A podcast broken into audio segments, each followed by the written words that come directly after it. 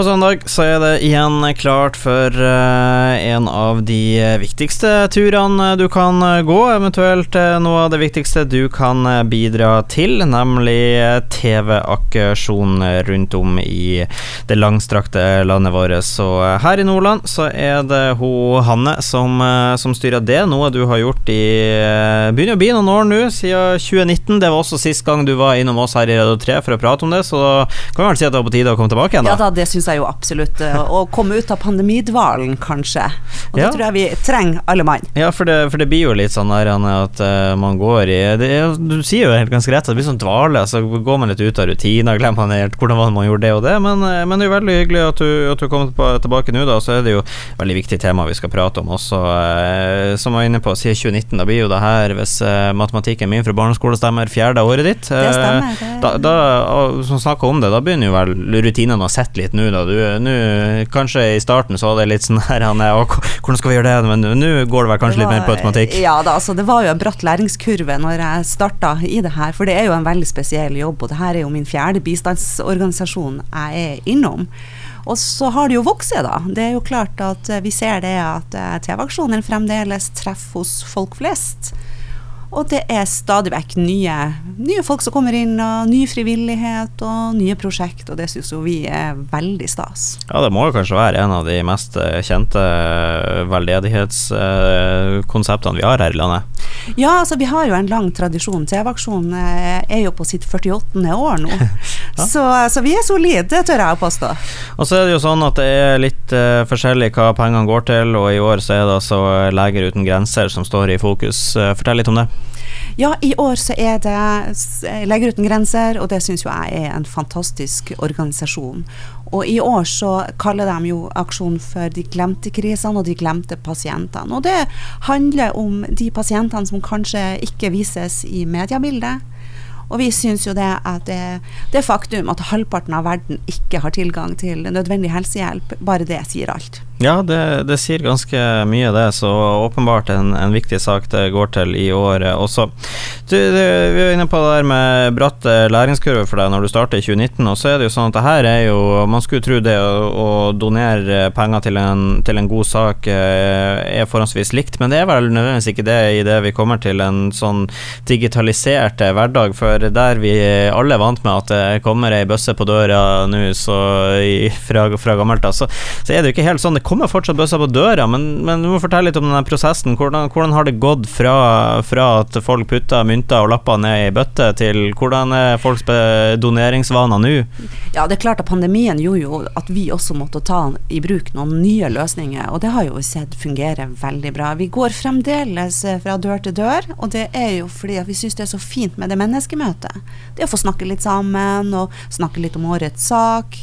Men nå har vi fått QR-kode på bøssa, vi har vips nummer Men vi har jo også andre eh, givermuligheter, og det er bl.a. digitale bøsser.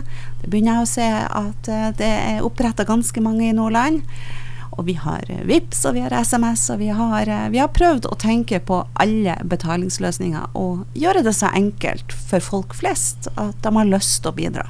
Ja, fordi for før så kunne man jo Det var jo nesten et eh, Du, du skjønte at eh, det var bøssebæreren som kom når du hørte den klinginga i, i bøttene. Det var kanskje ikke like mye klinging nå lenger. Nå er det mer den flopp-lyden på, på Vips som ja. er kjennetegnet. Ja, ikke sant. Nei, men vet du hva, det er faktisk ganske mye penger i omløp.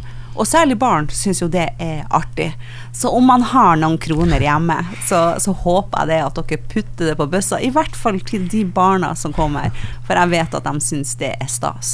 Ja, apropos uh, bøssebærere, som du er inne på, da, både med barn og voksne. Hvordan er det med der? Eh, man vet jo da at det er veldig, veldig mange i sving uh, når det kommer til de denne søndagsturen her, men uh, får dere nok, eller skulle dere ha flere, eller hvordan er det der? Nei, altså det er klart, jeg tror pandemidvalen pandemien har eh, påvirka eh, bøssebærerne òg, rett og slett. Men, så vi ønsker enda flere. Og har du lyst til å gå årets viktigste søndagstur, så, så er det denne søndagen du bør gjøre det. Mm. Og det, i de store byene så ser jo vi det at det er kanskje litt verre å finne bøssebærere. I, uh, i bygdene og de små kommunene så har de større tradisjon og de faste bøssebærerne. Så jeg oppfordrer jo alle, både i Bodø og i Narvik og i Rana, til å ta kontakt registrer deg. Og det, det, gjør du veldig enkelt. Da går du inn på blimed.no og registrerer deg. Eller så stikker du innom der vi holder til. I Bodø så henger vi på rådhuset på søndagen, så der kan du komme innom og si hei til oss og registrere deg. Og veldig mange ser jo an været, det vet jeg. Men vi har gått i snøstorm omtrent. Så det, det, tror jeg vi fikser. Det, vi, vi, er vant med vær her i nord, så det burde ikke være det største problemet der. Bli med.no da, eller som sagt via rådhuset. Der sitter dere hele, hele, dagen. Helt til slutt, da. Før i tida så var det jo, og det er jo sikkert det fortsatt også, at det er på søndag det er den hovedgiverdagen. Men der hvor alle bidro på dagen, så er det vel kanskje mer sånn at nå har dere litt å, å på beina før dere i det hele tatt kommer kommer til, til den søndagsturen. Blant annet så er det jo bedrifter som gir, og var jo for ikke så lenge siden så var det jo ei stor fotballturnering med Bodø-Glimt der dere får et, et kjempe-kickstart, kan man vel nesten si, på årets, uh, årets uh, aksjon. da. Kan du si litt om det, hvordan det er i forkant, og, og hvordan næringslivet bidrar? Altså, vi starter jo tidlig med, med planlegginga, og vi ser jo det at det er kommet inn ganske mye midler allerede. Og det flotte turneringa som vi har med Bodø-Glimt, og det samarbeidet er jo veldig spesielt og veldig flott. Og der eh, får vi jo lov til å, å bruke partnerne deres, og vi ser det at de bidrar til TV-aksjonen, og det hele Bodø-Glimt i sving før TV-aksjonen, og det er jo veldig artig å se at vi kan samarbeide om en så viktig sak. Og den turneringa er jo nå det andre året vi arrangerer. Så jeg, jeg sier det at det er en tradisjon. Og satser på at vi kommer eh, tilbake i neste år også. Ja. Det er vel på, på, andre året, da kan man vel si at det er tradisjon. Ja, det er vel som regelen er. ja, jeg syns det. Og så er det jo litt artig, sånn som f.eks. J-feltet, som er veldig flinke å heie. De spiller faktisk fotball på den turneringa, og det er jo artig. Ja, det, det er artig. De kan, kan mer enn å, å heie de guttene og jentene der, det er ikke noen tvil om, eh, om det.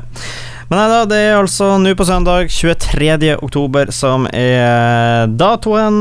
Det er bare å hive seg rundt og eventuelt stå klar når det kommer noen på døra di. Som sagt, bli med.no kan du melde deg, og så er det nå bare å, å, være klar når det ringer på på, ja. på søndag eventuelt. Jeg håper det at dere tar godt imot bøssebærere. Ja, det er vi jo kjent for å gjøre her i Nordland, så ja, det regner jeg med blir i år også. Og så eh, til de som er og går tur, kan de jo gå en fin salgstur, og så kan de avslutte på Aspmyra og heie inn tre poeng ja, etterpå. Absolutt, du, du rekker det. Du rekker en, en søndagstur før Aspmyra. Perfekt.